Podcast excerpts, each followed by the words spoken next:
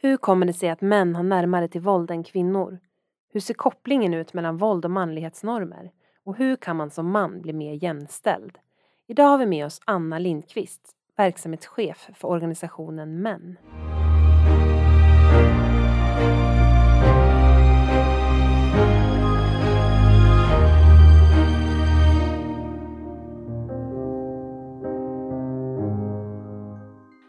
Hej och välkommen till dagens avsnitt med mig Rebecka Hagman, kommunikatör på Skyddsvärnet.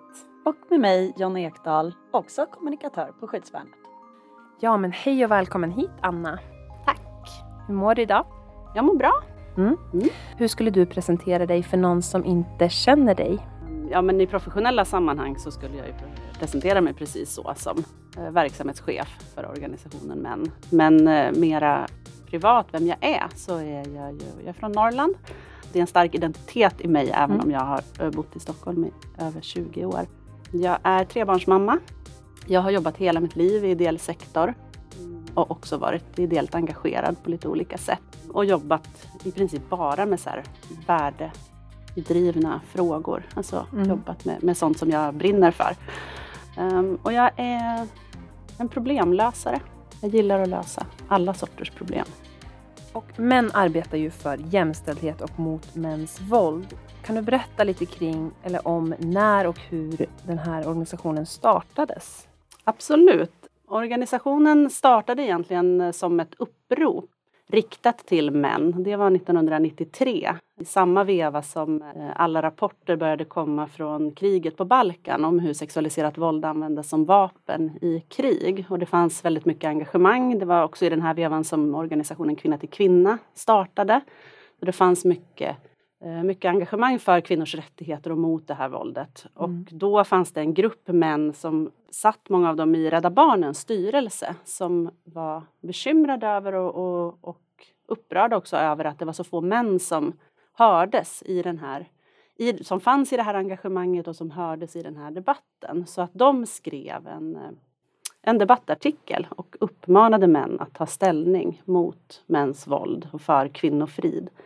Och det här fick väldigt mycket uppmärksamhet så några månader senare så följdes det upp med en större debattartikel där man också hade fått då massor av kända, alltså manliga profiler från alla möjliga samhällssektorer att skriva under och också stå bakom det här att nu behöver män vara en del av lösningen i det här och ta, och ta ställning i den här jätteviktiga frågan. Därifrån blev det ett nätverk, ett eh, ganska löst sammansatt nätverk men med ungefär 2000 personer löst kopplade som jobbade med att opinionsbilda liksom ideellt kring mm. den här frågan över hela Sverige och organiserade som små lokala grupper. Och sen först 1999 så blev vi en egen organisation, så en medlemsorganisation med egen, en egen struktur. Innan dess fanns nätverket, som då hette Manliga nätverket, fanns under Rädda Barnens paraply. Mm, just det. Mm. Så där började det. Vad är det som driver dig personligen i det här arbetet då? Men det är väl för att feministiska frågor och liksom engagemangsfrågor ligger mig otroligt varmt om hjärtat. Det, mm. är, det är liksom en del av vem jag är. Så att, att få jobba med det på olika sätt och det hade jag ju gjort även innan jag, jag hamnade på Män för jämställdhet. Det är bara en jätteynnest. Mm. Så. Och sen så tycker jag också att det är väldigt roligt med civilsamhället. Jag tycker att det är roligt att jobba i en organisation där alla är där för att de vill något. Alltså det gör någonting med också arbetsmiljön och energin och mm. så som finns. Och att man jobbar i det här samspelet mellan ideella och eh, professionella eh, som tillsammans flyttar saker framåt. Män vill vara den ledande aktören och kunskapsbäraren inom området män, maskuliniteter och våld. Kan du förklara lite mer konkret vad ni vill uppnå med det arbetet?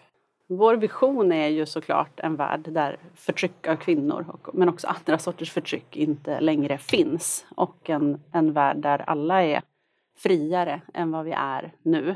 Så jag ser det jättemycket som att vi är, vi är en del i en eh, större, både feministisk men också bredare så här rättviseförändringsrörelse som vill ha en, en bättre värld. Mm. Det är ju inte så konkret, alltså det är ju en Nej. väldigt stor vision och en, väldigt, liksom, en utopi på många sätt. Vår konkreta pusselbit i det här arbetet är ändå, tycker jag, ganska tydlig. Att det har med all rätt varit så att det feministiska arbetet har varit, det har varit kvinnor som har visat ledarskap där och det är kvinnor som har som har lett och formulerat den kampen också stått bakom jättemånga av de framsteg som har gjorts, eller alla de framsteg som har gjorts har ju kommit ur kamp.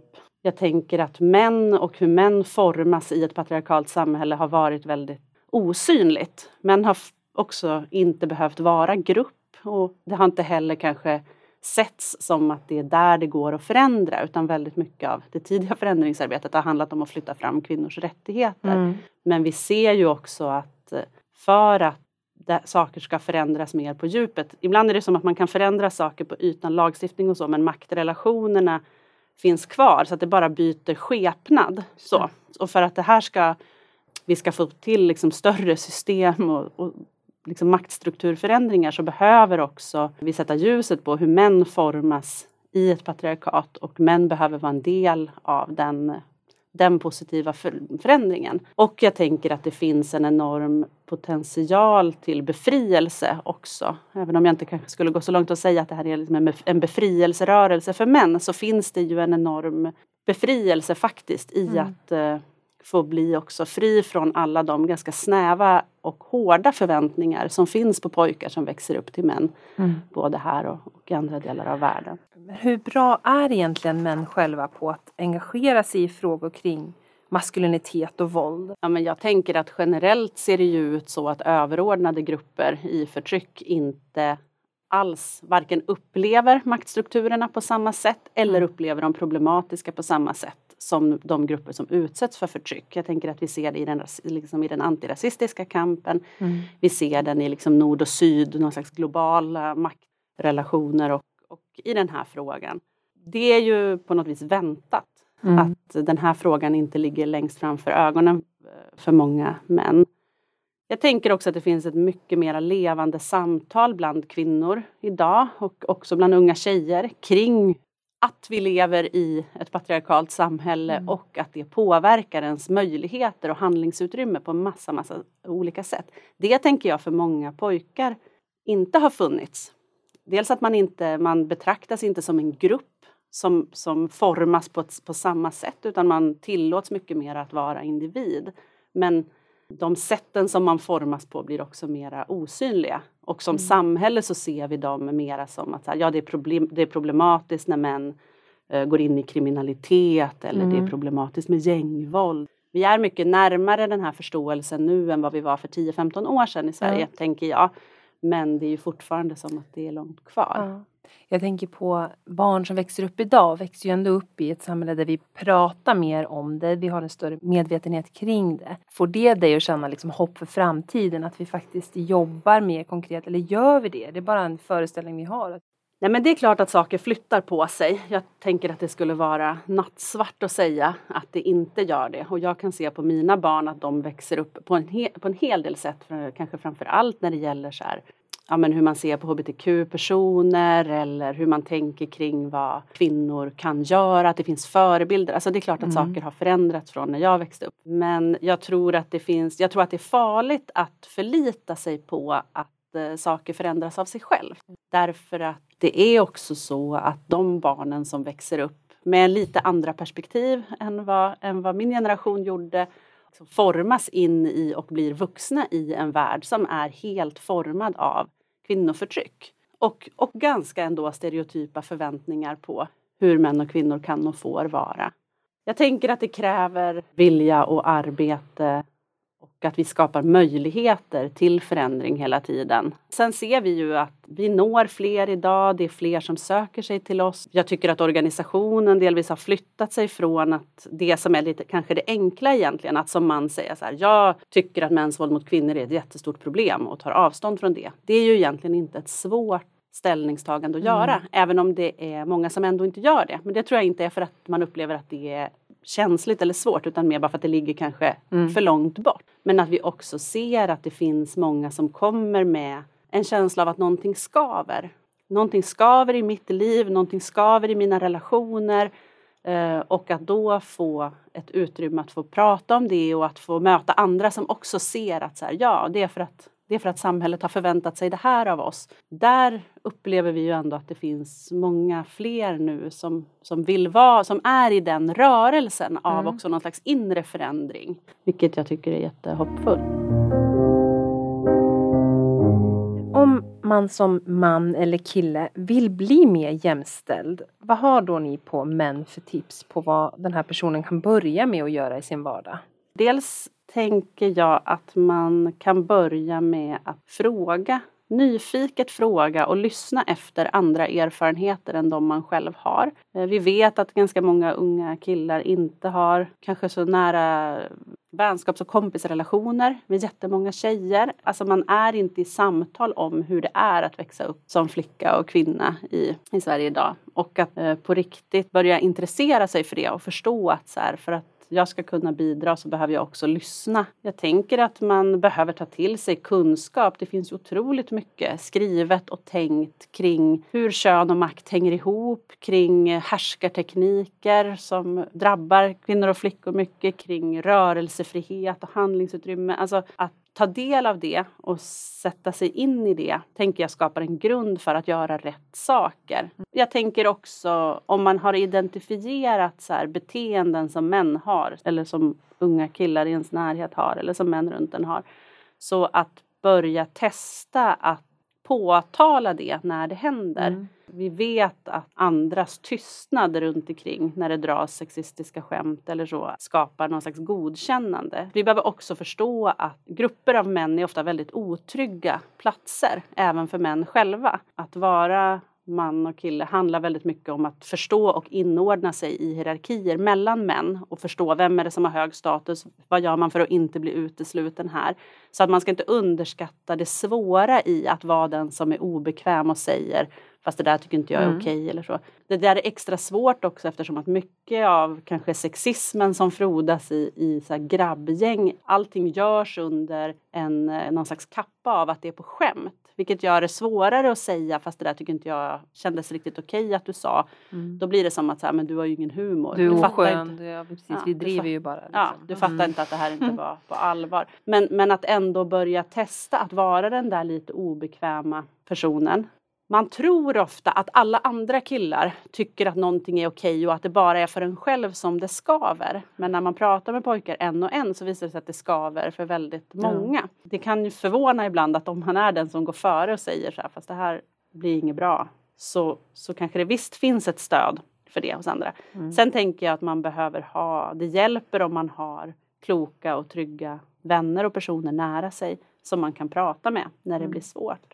Jag tänker att man kan vara övernitisk om man lever i en relation när det gäller att titta på så här, vem gör vad, hur mycket tid, hur mycket ansvar tar jag egentligen för det här projektledandet i den här relationen eller i familjen, hur mycket tid lägger jag på det här? Att man försöker få syn på sina egna mönster. Om man har läst och sett att så här, män har svårt att prata om känslor eller tenderar att isolera sig när det blir jobbigt och så känner man igen det i sig själv så kan man ju behöva börja hitta motstrategier i sig själv. Så att det man kanske ska akta sig för är att liksom ställa sig så längst fram på barrikaderna och så kämpa för kvinnors rättigheter om man inte har gjort någon slags arbete med sig själv. För det slår ju nästan alltid tillbaka mm. på, en, på en själv och det, blir, det, det bidrar inte heller särskilt mycket till den feministiska kampen. Jag ser det som att en stor del av det här arbetet också är ett, ett inre arbete och ett arbete som man gör i, sina, i sin vardag.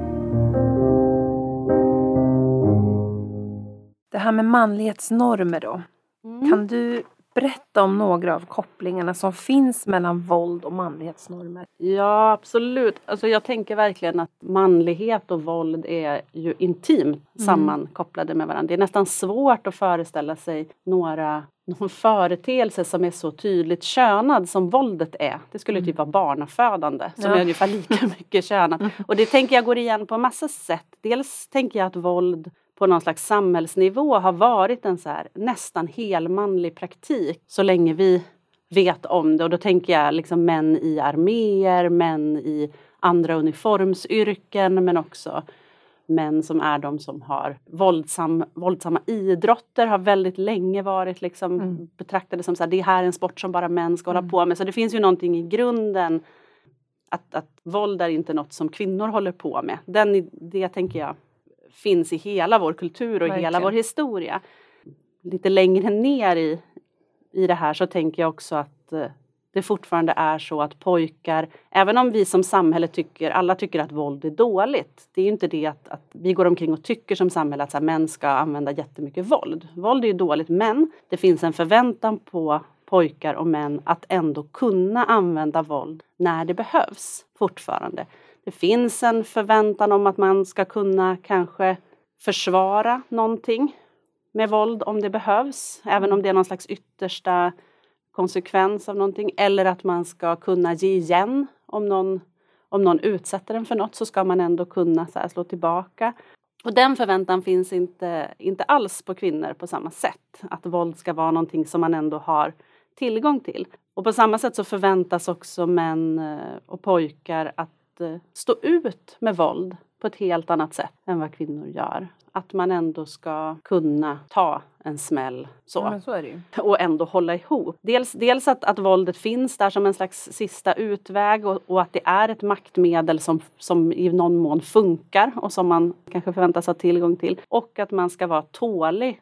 Och jag tänker att det finns i manlighetsnormerna liksom ett, en, en förväntan på män att vara tåliga på massa sätt. Att, att liksom kunna offra sig för andra, att kunna stå ut med umbäranden för att det behövs. Att det finns en slags eh, som kan idealiseras många gånger och då tänker jag inte bara i så här, den ensamma manliga hjälten-filmer utan även i, i, liksom, i, i vardagen. Vi har hållit på en hel del och tittat på det här med liksom skojbråk mellan pojkar eh, i skolan och i, på fritidsgårdar och, och Mm. sådär. Det finns också ofta ett väldigt lågintensivt lågintensiv utsatthet för våld och ett utövande av våld mellan pojkar som är så här på skämt och Mm. något som man bara ska tåla. Och visar man tydligt att det här är inte okej, det här vill inte jag, eller man börjar gråta eller så, då blir man ofta bestraffad med utfrysning eller förlöjliganden eller så av, av gruppen. Så att män tränas in i det här väldigt tidigt och man behöver också förhålla sig hela tiden till andra mäns eh, våldspotential Mm. eller vad man ska säga.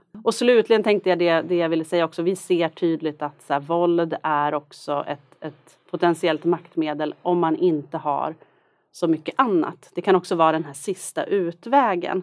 Det finns ju jättemycket saker i vårt samhälle som ger status och potentiellt makt. Det kan ju vara pengar och position och vad, han, vad man heter i efternamn och ens hudfärg och massa saker. Mm. Men, men våld är också en sån, någonting som potentiellt kan ge status och makt därför att det får andra att bli rädda för en. Mm. Och man brukar prata om eh, att, att våld, ja, man kan använda det för att kompensera för att man har lite makt och status på andra sätt.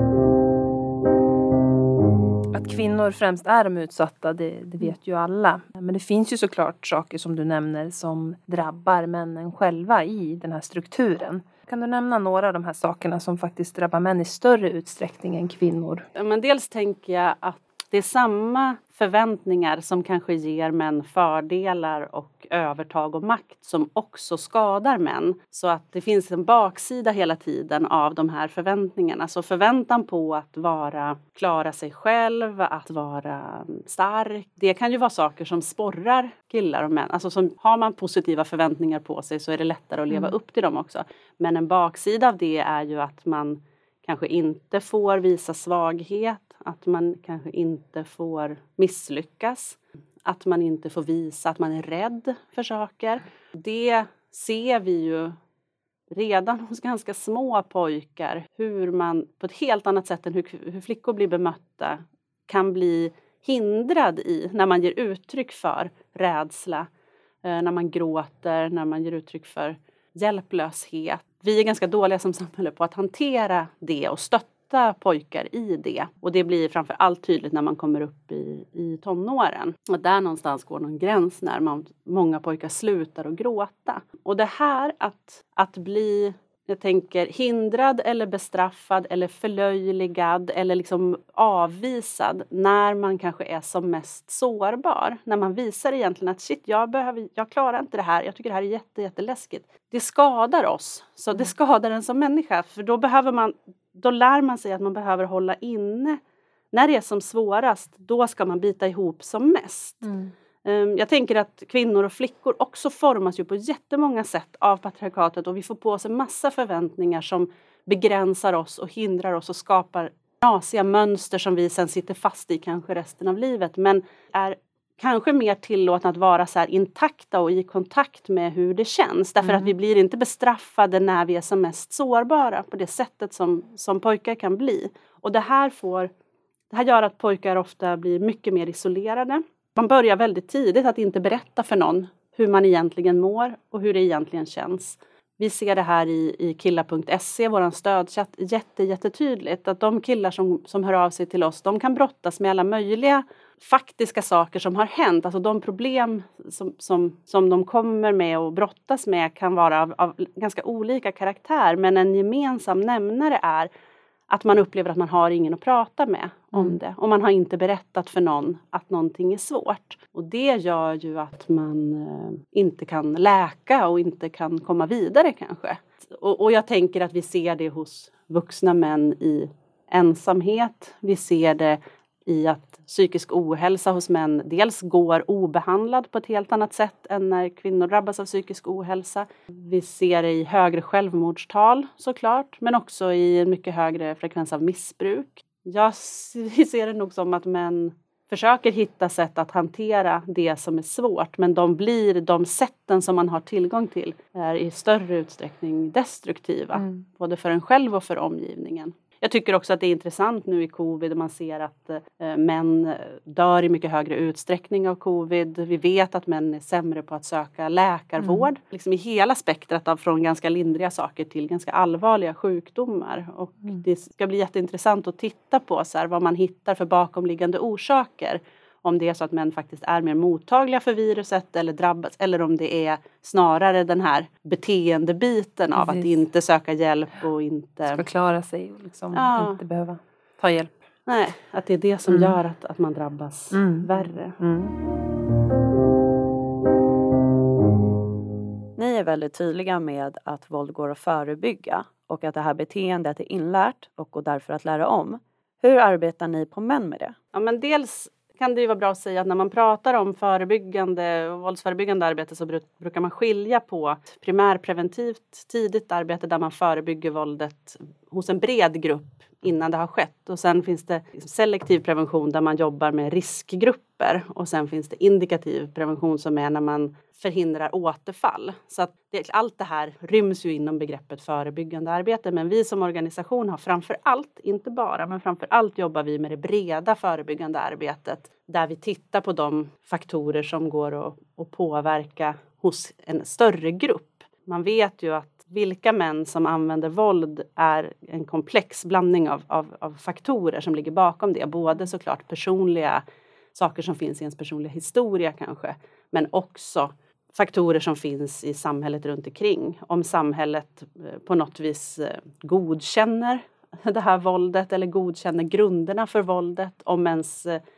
nära kompisar eller den lilla kretsen som man rör sig i tycker att det här är okej okay, eller tydligt signalerar att det inte är okej. Okay. Så att när vi jobbar med våldsförebyggande program i skolan så, och, och, även på andra platser faktiskt så använder vi oss mycket av någonting som vi kallar aktivt åskådarskap som egentligen inte handlar om att tilltala enskilda pojkar som potentiella våldsverkare och säga så här, du kanske kommer att göra det här, det får du inte göra för våld är dåligt. Utan man vänder sig till alla och säger så här, ni kommer att uppleva våldsamma situationer runt er. De finns redan där och det kan unga ju tydligt berätta att mm. våld finns i deras vardag. Det vi gör då är att vi genom scenarioövningar och så stöttar unga att gå in och göra någonting.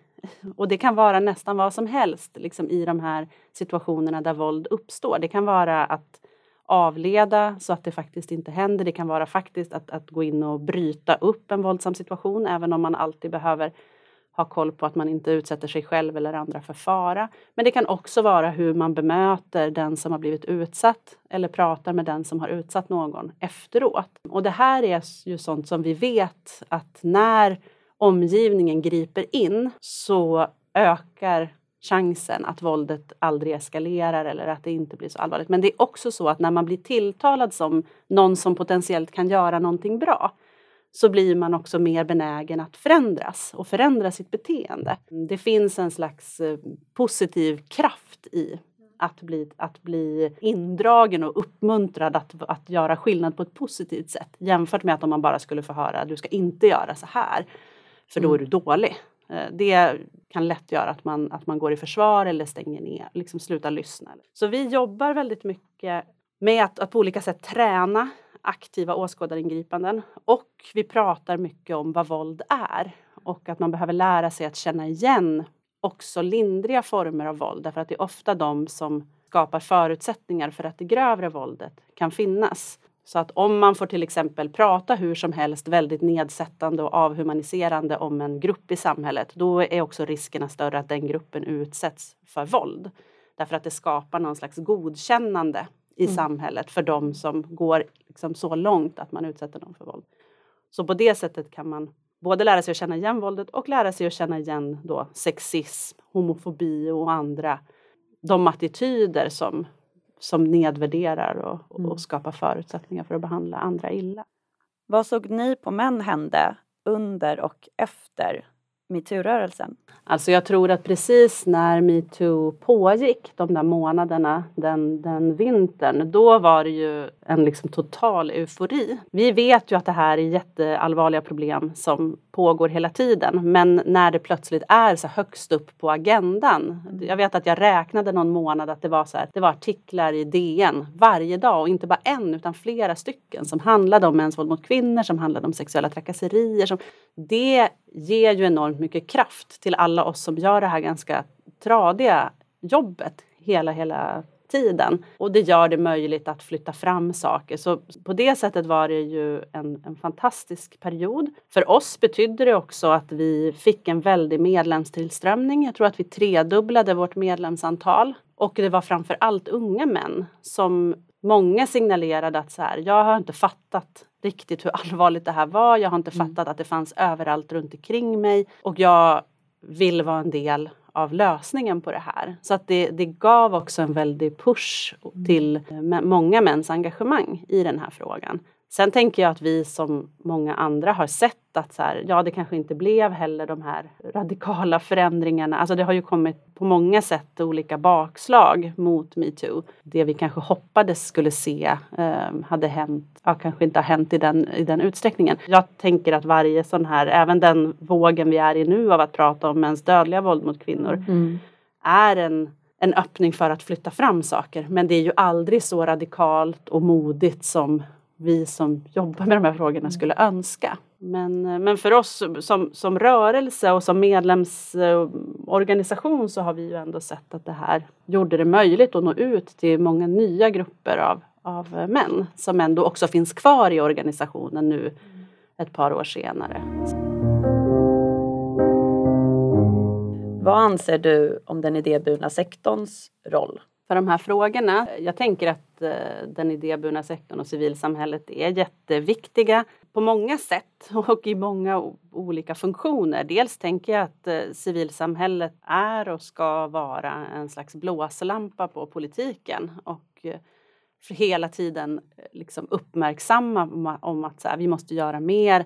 Det här problemet finns kvar. Att berätta om hur det ser ut och vad som behövs och hålla politiken ansvarig för eh, att lösa de, de samhällsproblem vi har. I frågan om mäns våld mot kvinnor så finns ju också eh, civilsamhället som en väldigt central aktör i att erbjuda stöd och skydd och stötta och ta hand om många av dem som utsätts. Och där har man både en, en enorm kunskap och en lång erfarenhet av att göra det arbetet och det tänker jag är centralt för att det här stödet och skyddet ska vara, hålla hög kvalitet och att man håller ihop det med inte bara ser det som ett så socialt problem utan håller ihop det med en tydlig förståelse av makt och förtryck. Och det tänker jag att den ideella sektorn bevakar och, och, och på något vis hela tiden lyfter fram och påminner om.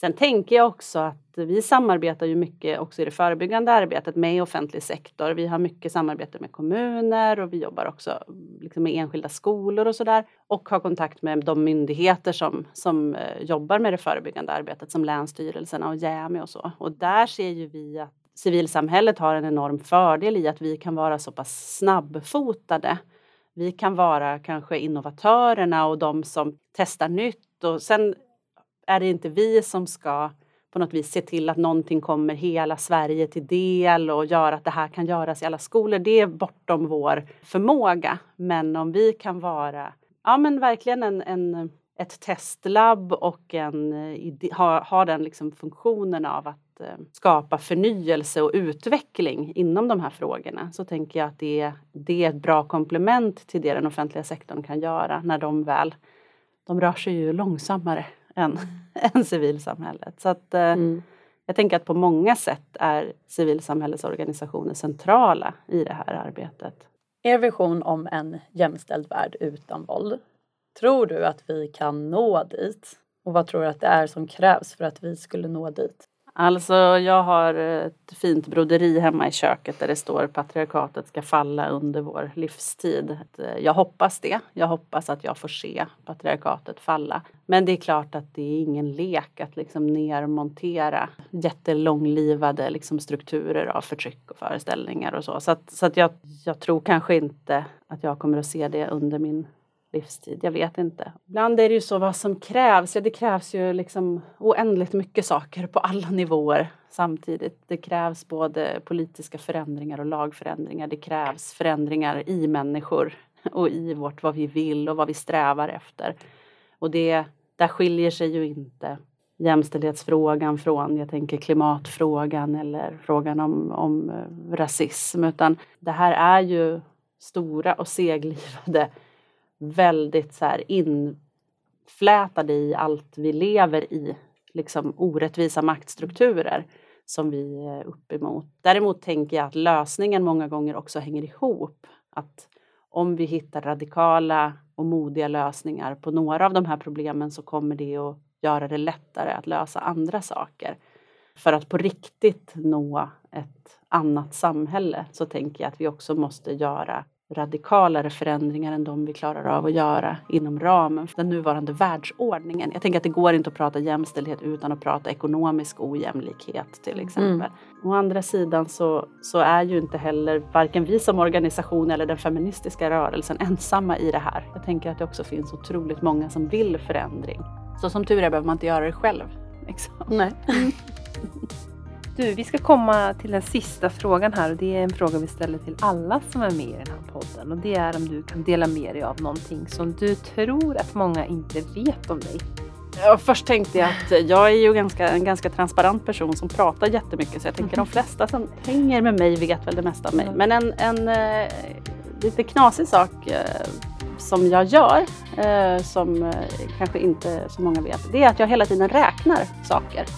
Det är som att jag har ett litet räkneverk i huvudet. Så att när jag mm. promenerar och när jag cyklar och när jag gör andra saker så räknar jag hela tiden. Och ibland räknar jag i olika takter och ibland räknar jag. Sen är det aldrig någon som är intresserad av det här. Till exempel hur många cykeltramp är det från foten av Skanstullsbron och eh, hem till Skarpnäck.